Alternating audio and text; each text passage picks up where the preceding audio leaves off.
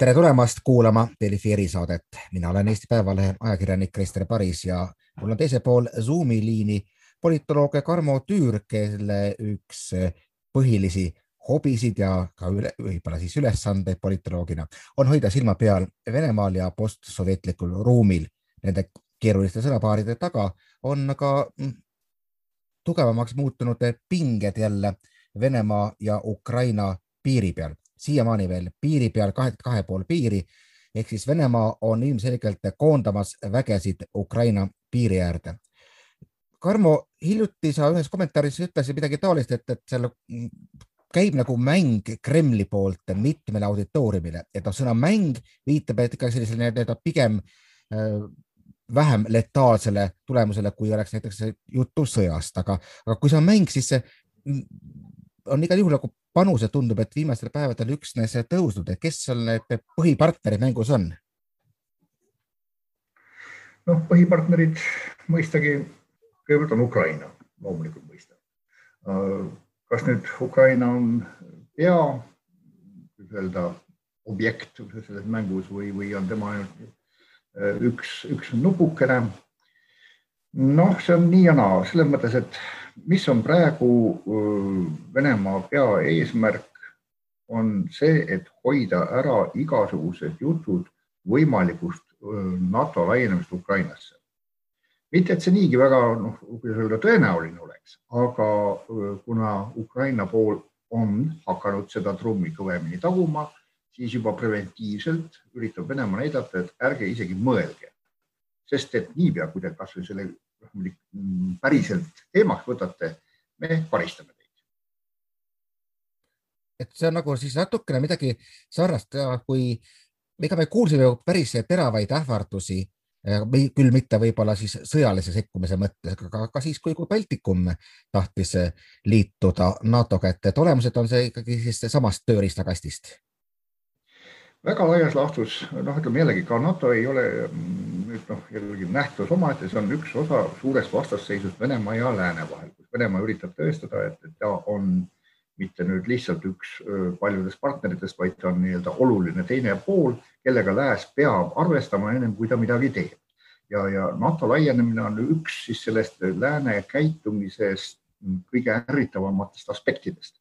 sinna juurde on ka Euroopa Liidu, nüüd eriti need majandussanktsioonide teema aga ka laiemalt lihtsalt ka Euroopa Liidu laienemine kui selline on üks ärritaja, on ütleme rahvusvahelised lepped, mis ähm, seda piiravad Venemaa äh, vabadusi ja teha, mida ta tahab, et kõik need on erinevad aspektid, mida Venemaa üritab vastandada või millele ta üritab ise vastanduda. ja, ja nüüd jah, NATO laienemine on lihtsalt üks osa sellest mm, väga laiast plaanist sellisest vastasseisust, millest näiteks üks muutuja on ka USA uus president, keda on vaja järgi testida, sest et vot on uus mees, kes on hakanud käituma uutmoodi ja nüüd on vaja tema piirid ka paika panna.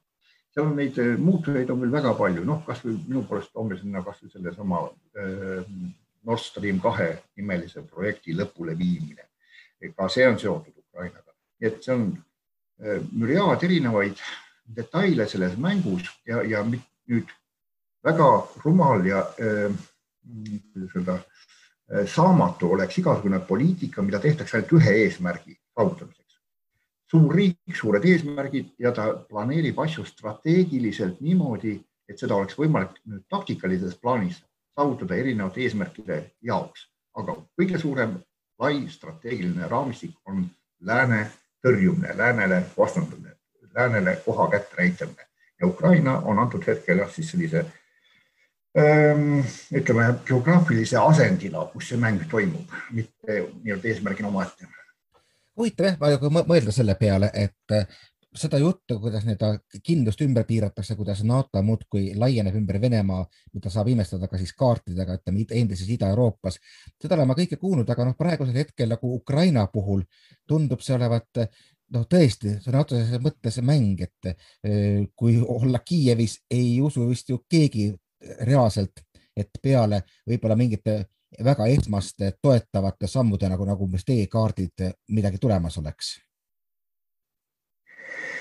noh, jah, aga nüüd, kui me võtame selle asja teist poolt, et kas Kiievis usutakse, et sõda Venemaaga on reaalne? jah, see on vägagi reaalne, sest sõda Venemaaga käib ja käib ammu.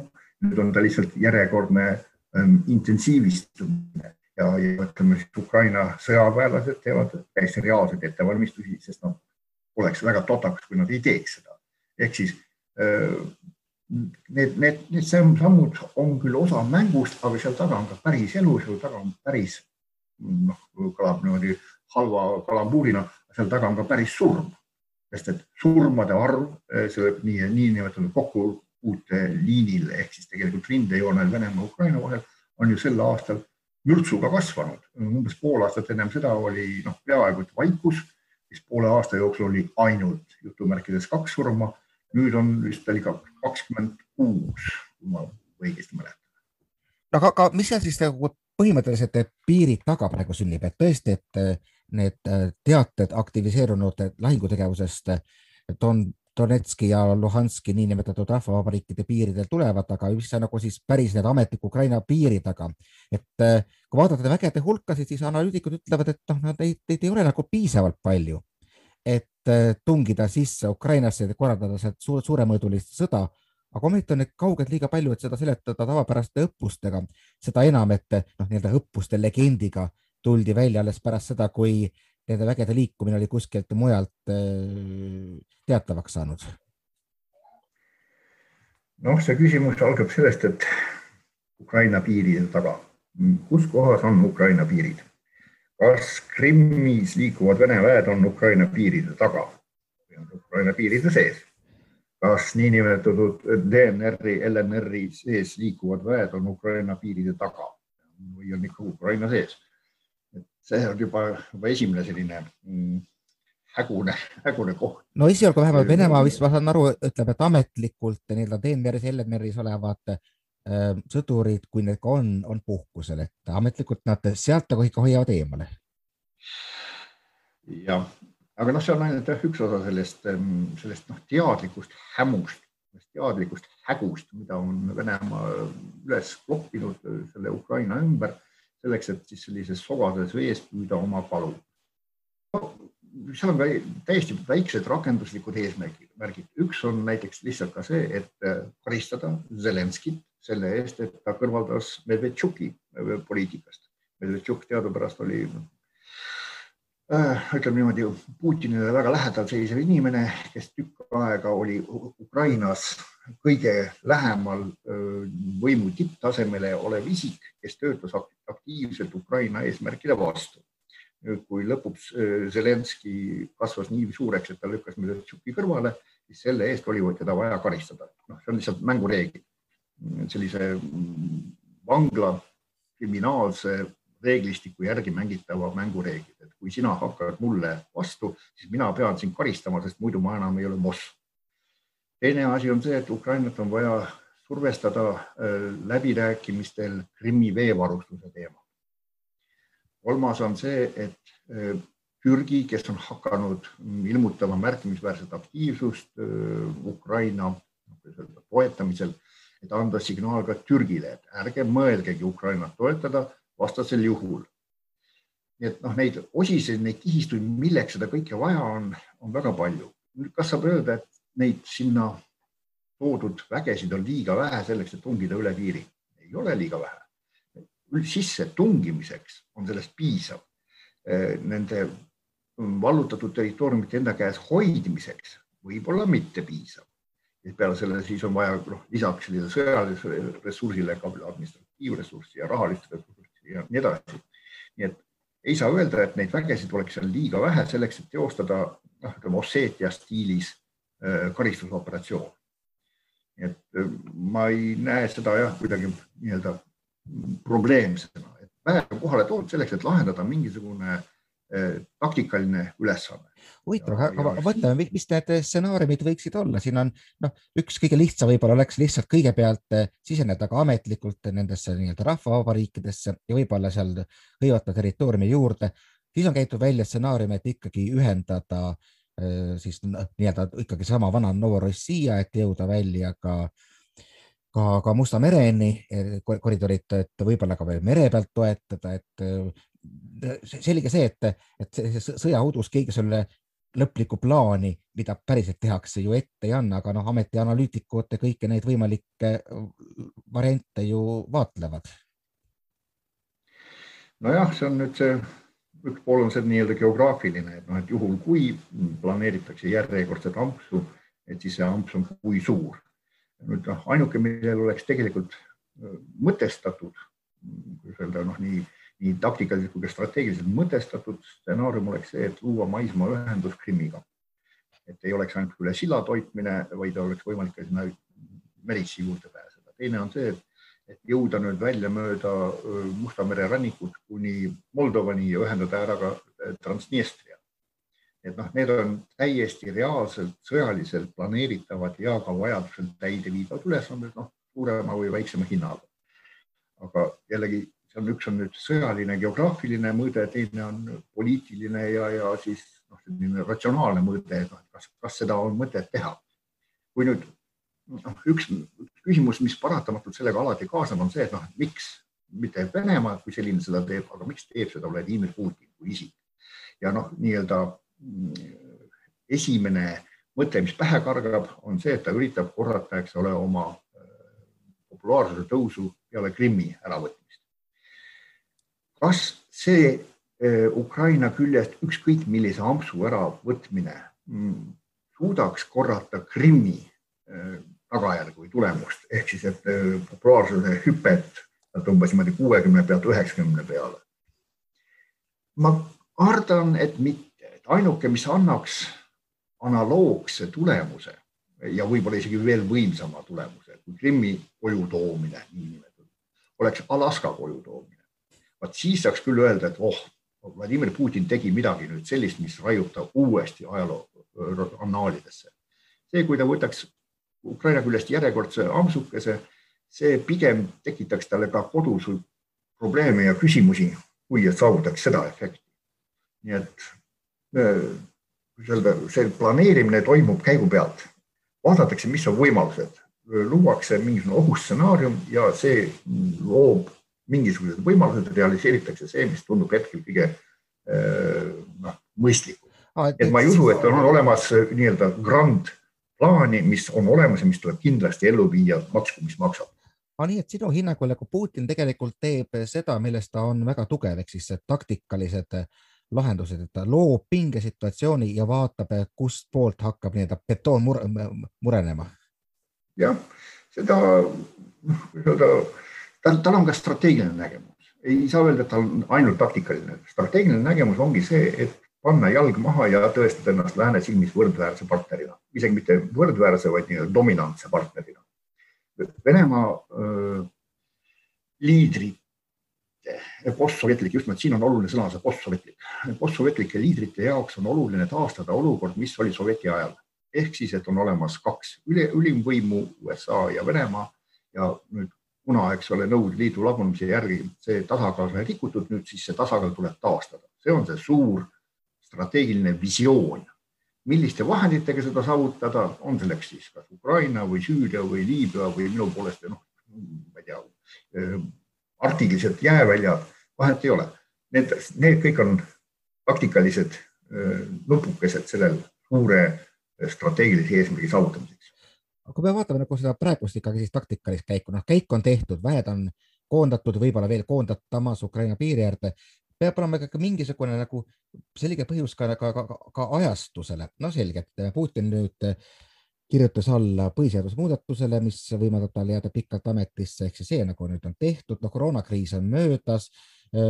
Venemaa vaatevinklist võib-olla, et pigem edukalt, et kas noh, et milleks veel midagi praegusel hetkel vaja, no tõesti, ja ütleme tulemas sügisel on tuumavalimised, kas tõesti inimesed nagu neelaksid alla sellise, et me teeme jälle veel mingi väikese võiduka sõja, ta ütlesid, et see pole ju võrreldavgi Krimmi taas taastamisega igal juhul ja ei pruugi olla ei väike ega võidukas. et miks just praegu, eriti veel, mul tuli just meelde üks analüütik, vaata nime praegu ei mäleta, kes just tõstis esile, et Venemaa ei alusta kunagi sõdu, kui nafta hind on noh, praegune umbes kuuskümmend, alustab siis, kui nafta hind on kõrge, et nagu see kõik nagu ei ei ole nagu väga hästi head loogilist seletust, et miks hakata pingeid just, just täna krovima? noh, jah, ega täpselt samamoodi, vot kui Krimm ära ampsati, ega siis selle e, kuidas öelda, ajendiks ei olnud mitte nüüd Venemaa sisepoliitika. seda ei tehtud lihtsalt ainult selleks, et tõsta Vladimir Putini populaarsust. selle ajendiks oli väline ärritaja, mille peale reageeriti. väliseks ärritajaks oli võimuvahetus Ukrainas, see, mida siis Kreml nimetab riigipöördeks täpselt samamoodi praegu ma kujutan ette, et pigem on selle taga reageerimine mingile välisele ärritajale. noh, üks selline pisikene asi oli sellesama Medvedtšuki kõrvaltõrjumine, see on tegelikult Venemaa seisukohalt väga valuline samm ja midagi, midagi pidi selle jaoks tehtama, et karistada. teine on noh, ma vist kordan ennast, nii see Krimmi küsimus, tähendab Krimmi veevarustuse küsimus kui Türgi Türgi on aktiviseerunud sellisel moel ja määral, et see ärritab Venemaad. konkurents Türgiga, noh, väga veider partnerlus, kus siis mõnuga mõlemad annavad üksteisele rusikaga ribidesse, kui vähegi võimalik on, aga siis peale seda jälle mingiks ajaks lepivad ära ja tegutsevad koos. Türgi on muutunud mm, liiga aktiivseks Venemaa seisukohalt võttes, liiga aktiivseks, üritades endale saada regionaalse julgeoleku garandi rolli Venemaa ei taha lasta sellel toimuda. Ukraina on oluline selles võtmes, et äh, Türgi ja Ukraina on hakanud aktiivselt pidama läbirääkimisi ka sõjalise koostöö mõttes. Äh, nüüd just nimelt sel aastal peaks, noh, teoreetiliselt peaks jõustuma see kokkulepe, et hakatakse tootma Türgi, mm, ütleme siis neid mitte piloteeritavaid ründedroone Äh, Ukraina pinnal, peaks hakkama toimima äh, sõjalaevade ehitus Ukraina pinnal, peaks hakkama sõjalennukite tootmine Ukraina pinnal. Äh, ehk ja kõik see on niimoodi seotud Türgiga. ehk siis ka see Türgi tõrjumine on Venemaa jaoks oluline nii taktikalises plaanis kui strateegilises plaanis, sest et Türgi on üks osa sellest niinimetatud kollektiivsest läänest. huvitav, see, kui ma vaatasin seda. reageerimine välisele ikkagi tead, kui ma vaatasin sellele ähm, Türgi rollile otsa, siis noh, hiljuti ju käis ka Zelenskõi Istanbulis ja siis midagi kirjutasid äh, Türgi enda kommentaatorid, et nemad äh, nägid jällegi asja sellest vaatevinklist, et, et just nimelt Venemaa on tunginud noh, nagu neile, neile lähemale, et kui Venemaa hõivas Krimmi, pani sinna umbes üle püsti S-400 õhutõrjepatareid, siis see oluliselt muutis justkui, justkui julgeoleku olukorda Musta merel, nii et see, see on siis nagu mõlemalt poolt tunnetatakse huvitaval kombel nagu teise, teise, teise suunalt ohtu. et äh, mis, mis, mis roll ikkagi nagu Ukraina huvitav nagu Türgi vaatevinklist selles on, et noh, Armeenia, Aserbaidžaani konflikti noh, võtame lahendamisel, sõjalisel lahendamisel Mägi-Karabahhi äh, tagasiandmisel Aserbaidžaanile suur, suures, suures ulatuses äh, oli noh, võis öelda, et kuidagi Venemaa ja, ja Türgi huvid võib-olla isegi nagu konflikti deeskaleerimisel kattusid, aga nüüd äh, Ukrainas äh, ma ei näe sellist nagu üht, ühtset huvi väga seal. no Venemaa ja Türgi huvid äh, kattuvad just nimelt sellisel huvitaval moel, et noh, niimoodi läbi, kuidas öelda, vastastikuse mõõduvõtmise, nimetame seda niimoodi. noh, tuletame meelde, eks ole, Türgi on alla lasknud Vene lennuki noh, pärast selle eest ilusasti vabandanud. Eh, Türgi laskis kogemata sedasama Karabahhi käigus alla Vene kopteri samamoodi niimoodi summutati ilusti ära. Eh, Türgi droonid tõestasid ennast väga efektsena ja Venemaa siis õhutõrjevõimekus väga ebaefektiivsena Karabahhias. nii et see käib selline pidev mõõduvõtmine ja näiteks noh, üks ka selline väikene detail. Türgi plaanib noh, kui vaadata Moskva mätta otsast. Türgi plaanib rikkuda mm, Musta mere julgeolekubalanssi läbi selle, et eh, tekitada uus kanal Bosporuse nii-öelda kõrvale või asemele, kõrvale eh, ja, ja seega saada vabaks oma kohustustest selle, ütleme, väinaliikluse eh, piiramisest, reguleerimisest. ehk siis Türgi teeb järjest samme selleks, et noh, kui vaadata jälle Venemaa mätta otsast, Türgi teeb samme selleks, et Venemaad tõrjuda või tasalülitada Musta mere regioonis ja Venemaa ei saa seda lasta. Türgi ja Venemaa on ju tegelikult omavahel noh, ütleme kaudses või otseses konfliktis ka Süürias. kas seda nüüd nimetada partnerluseks, konkurentsiks, sõjaks, see on väga keeruline kombinatsioon kõigest.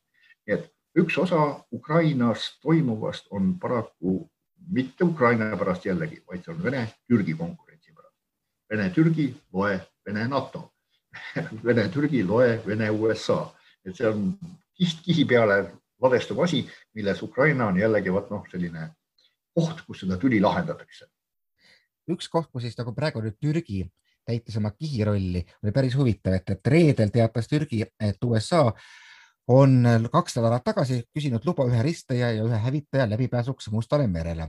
noh, kas nad küsisid kaks nädalat tagasi, seda me tegelikult ei tea, see lihtsalt viitas siis nii-öelda välisriikide kohustustele seda, seda eh, sellest sellest varem teada anda, aga ehk siis Türgi andis põhimõtteliselt ilmse rahuloluga rohelise tee Ameerika Ühendriikide sõjalise võimekuse oluliseks tõstmiseks Mustal merel. et kui me vaatame üldse nagu siis ikkagi sellist noh, peamist, ütleme Venemaa mõttes partnerit, kelle pärast võib-olla käib ka võitlus Ukrainas, Ukraina pärast, siis noh, USA, kaks tuhat neliteist mindi Krimmi, siis noh, ikkagi Obama rääkis nagu ikkagi mingisugusest incursion'ist, sissetungist, kasutas selliseid eufemisme ja, ja Biden, kes oli tollal asepresident ka pigem ikkagi kutsus üles ikkagi noh, nagu ikka deeskaleerima, rahumeelselt lahendama. no nüüd ütlevad ameeriklased, et me avaldame vankumatut toetust Ukrainale, et kuivõrd sa näed, et sellise noh, retoorika muutuse taga on ka, on ka päriselt nüüd Ameerika Ühendriikide positsiooni tugevnemine? Jah, kas nüüd, no vot, kui palju saab üldse eristada omavahel äh, retoorikat ja nii-öelda päriselu, kas retoorika ei ole osa päriselust? enamik poliitilisest mõõduvõtmisest tehaksegi ära ikkagi retoorilisel tasandil. kineetiliseks ehk siis päris noh, niimoodi militaarseks lähevad asjad väga harva ja peaaegu mitte kunagi ei lähe nad otse Vene USA vahel, kõik kasutatakse nii-öelda proksi võimalusi minu poolest võtame needsamad Süürias toimunud ja Liibüas toimunud konfliktid, kus tegelikult on omavahel piike ristamas Vene ja USA võimekused, ütleme niimoodi, aga seal taga ei ole kummagi poole lippu otseselt.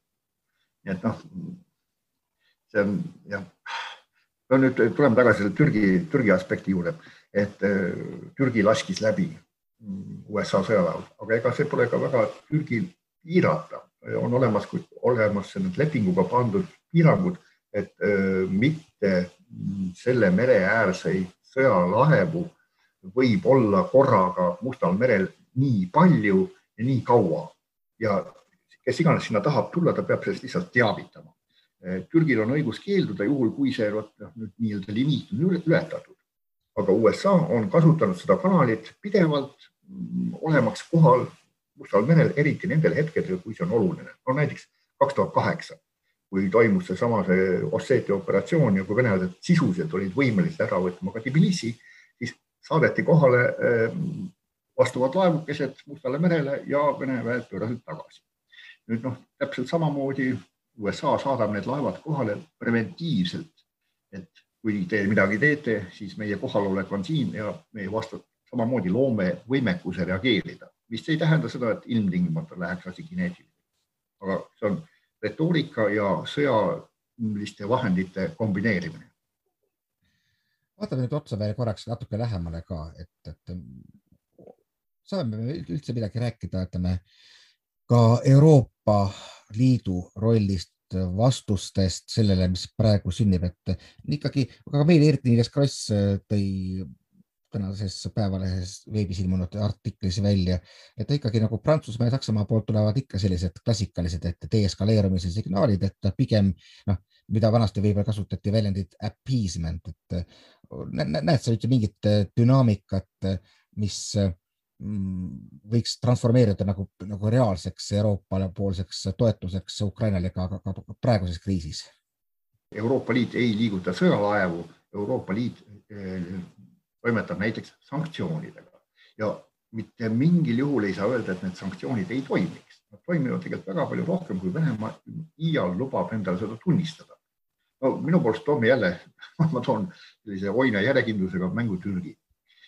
Äh, Venemaa ja Türgi on omavahel pidanud läbirääkimisi selle üle, et võiks ka Venemaa territooriumil hakata panema kokku neid samu droone Bayraktar. aga seda ei ole võimalik teha, sellepärast et sanktsioonid, sellepärast et selle droonide olulised sõlmpunktid, agregaadid, mis sinna jupptükid, mida sinna külge kruvida, on sellised, mida Venemaa territooriumile sanktsioonide tõttu ei lubata ja seetõttu see projekt või noh, ütleme mitte projekt, vaid leping või läbirääkimised seisavad, sest et seda ei ole võimalik teostada, sellepärast et Euroopa Liidu sanktsioonid. Gazpromi mm, projekte seal kasvõi sama Nord Stream ei ole võimalik lõpetada, sellepärast et sanktsioonid, noh tõsi küll nüüd USA, mitte Euroopa Liidu omad, aga need sanktsioonid ei paista välja sama atraktiivsed kui Mustale merele sisenenud sõjalaev, aga nad toimivad lihtsalt natukese teise loogika alusel. Aga võtame kokku, et, et hüpoteetilise stsenaariumi mõlemad, et üks on see, et Venemaa astub ikkagi selgelt üle, üle kõige punasema joone, mis lääne jaoks on. ja lääs vastab kõigega, mis tema käsutuses on, noh, välja arvatud võib-olla otsene sõjaline kokkupõrge Venemaaga, et mis siis üldse meil nagu jäänud on, et noh, sanktsioonid on Venemaa suhtes, paljud nimetavad neid noh, poolkõvadeks, sa just tõid välja, et tegelikult nad toimivad päris kenasti noh, pärast Krimmi hõivamist räägiti muuhulgas näiteks siis Venemaa väljaarvamist rahvusvaheliste maksete süsteemist SWIFT. Sellest loobuti, Venemaa astus selle vastu ka enda mingeid vastusamme, et, et palju meil üldse veel on võimalik nii-öelda karmistada, tugevdada, piirata? edendada, arendada ja Just, tugevdada. kõik need, jah. Ehm, jah, noh, see SWIFT on selline niisugune poolmüütiline äh, relv nagu umbes nagu tuumarelv, et me kõik teame, et ta on olemas, me kõik saame seda välja öelda, et me võime kasutada, aga me reaalselt ju seda ei kasuta. noh, Swifti minu meelest mm, on kasutatud ainult üks kord Iraani vastu ja ka siis ei pandud mitte kõik Iraani pangad selle sanktsiooni või, või keelu alla, jäeti minu arust vähemalt üks pank jäeti ikkagi toimima selleks, et oleks võimalik natukene asju ajada. Ja, ja pluss siis see, et teiselt poolt on Venemaa nüüd hakanud selle vastu väga aktiivselt välja arendama omaenda siis maksuteadete süsteemi üritades seda integreerida ka Hiinaga. et SWIFTi kasutamist jah, ma väga, ma väga tõenäoliseks ei pea, noh juhul kui Venemaa nüüd tõesti ei hakka tulema lausa noh, niimoodi Kaliningradist edasi Euroopa südame poole kõik see, mis toimub Ukrainas ja toimub sellise just hämamise saatel, nagu olid need rohelised mehikesed Krimmis ja Donbassis, kõik see ei käivita SWIFTi nuppu. Aga jah, kõik see muu, mis me saame teha just nüüd Euroopa Liiduna, mitte NATO-na, kaks erinevat asja, on ikkagi just nüüd jätkata diplomaatilist ja öö, majanduslikku survestamist. ega meil ei olegi muud instrumentaariumit. meil on kas sõjaline instrumentaarium läbi NATO või on siis majandusinstrumentaarium ja, ja üritada jah, nüüd neid majanduspoliitilisi sanktsioone noh, naeruvääristamine on võib-olla halb sõna, aga muud sõna ei ole ka. Et üritada neid naeruvääristada, öelda, et need ju ei mõju ja see on ju kõik mõttetu ja see ei toimi. see ei ole õige, sest tegelikult see toimib ja, ja see toimib ja lööb äh, väga otseselt just nimelt Vladimir Putini lähikondsete pihta, nende lähikondsete heaolu, äh, peremehe tunnetuse pihta et kui ikkagi Vladimir Putini lähikontlased ei saa enam lennata omaenda eralennukitega, sest et äh, sanktsioonid, kui needsamad Putini lähikondsed ei saa enam sõita Euroopasse oma villadesse, sest et sanktsioonid, kui nad ei pääse ligi oma varadele Londonis ja, ja, ja, ja muudes Brüsselites, sest et sanktsioonid, nii et see kõik loob sellise fooni, mis tegelikult toimib ja mida üritatakse teadlikult siis pisendada Venemaa poolt, näidata, et need ei toimi, toimivad küll. see on väga hea positiivne noot tegelikult, millega lõpetada, et mis hakkab sündima nüüd maa peal edasi. Eks seda siis äh, ilmselt otsustab väga paljuski Kreml, natukene otsustab ka, ka Ukraina vastupanu, Euroopa ja NATO poolne vastupanu, aga et eks need sündmused sealt ilmselt arenevad ju edasi. suur aitäh, politoloog Tarmo Tüür mina olen Eesti Päevalehe ajakirjanik Krister Paris ja jälle kuulmiseni siis uutes erisaadetes.